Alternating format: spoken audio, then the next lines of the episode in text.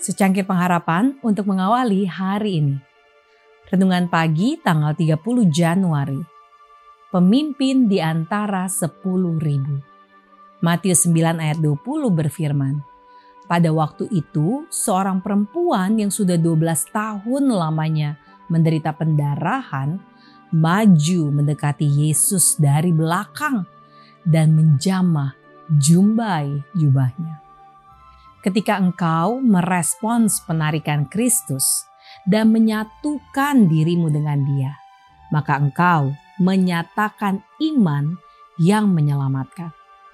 Membicarakan hal-hal rohani dengan santai, berdoa memohon berkat rohani tanpa jiwa yang benar-benar merasa lapar dan tanpa iman yang hidup hanyalah sedikit manfaatnya.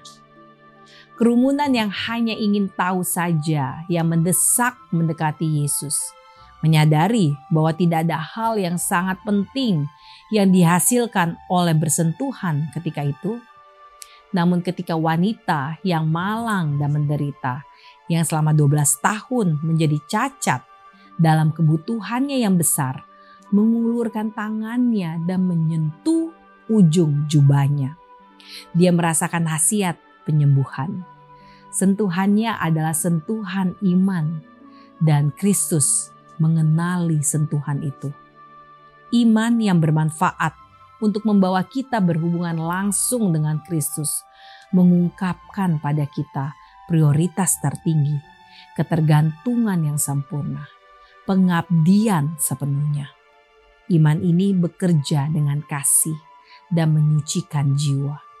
Iman tersebut mengerjakan dalam kehidupan pengikut Kristus ketaatan sejati terhadap perintah-perintah Allah.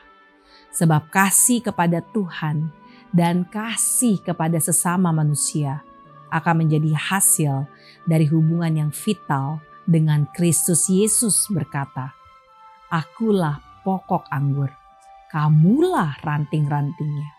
Yohanes 15 ayat 5. Bisakah kita membayangkan hubungan yang lebih intim daripada yang ber, daripada yang tersirat di sini? Serat-serat ranting identik dengan serat pokok anggur. Hubungan antara kehidupan, kekuatan, dan makanan dari batang ke cabang tidak terhalang dan konstan. Akar mengirimkan makanannya melalui cabang-cabang seperti itulah hubungan orang percaya dengan Kristus jika dia tinggal di dalam Kristus dan memperoleh makanan dari Dia. Tetapi hubungan rohani antara Kristus dan jiwa ini hanya dapat dibangun dengan memiliki iman pribadi. Tanpa iman, tidak mungkin orang berkenan kepada Allah. Ibrani 11 ayat 6. Karena imanlah yang menghubungkan kita dengan kuasa surga dan memberi kita kekuatan untuk menghadapi kuasa kegelapan. Inilah kemenangan yang mengalahkan dunia, yaitu iman kita. 1 Yohanes 5 ayat 4. Jiwa kita menjadi kuat dalam kekuatan rohani. Oleh sebab kita menghirup udara surgawi dan menyadari bahwa Tuhan ada di sebelah kanan kita bahwa kita tidak akan tergoyahkan. Kita naik mengatasi dunia, melihat dia yang adalah pemimpin di antara sepuluh ribu yang sangat indah. Dan dengan memandang, kita diubahkan menjadi serupa dengan gambarnya.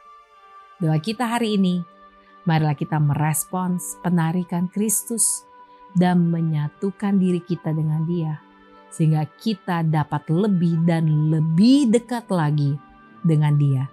Amin.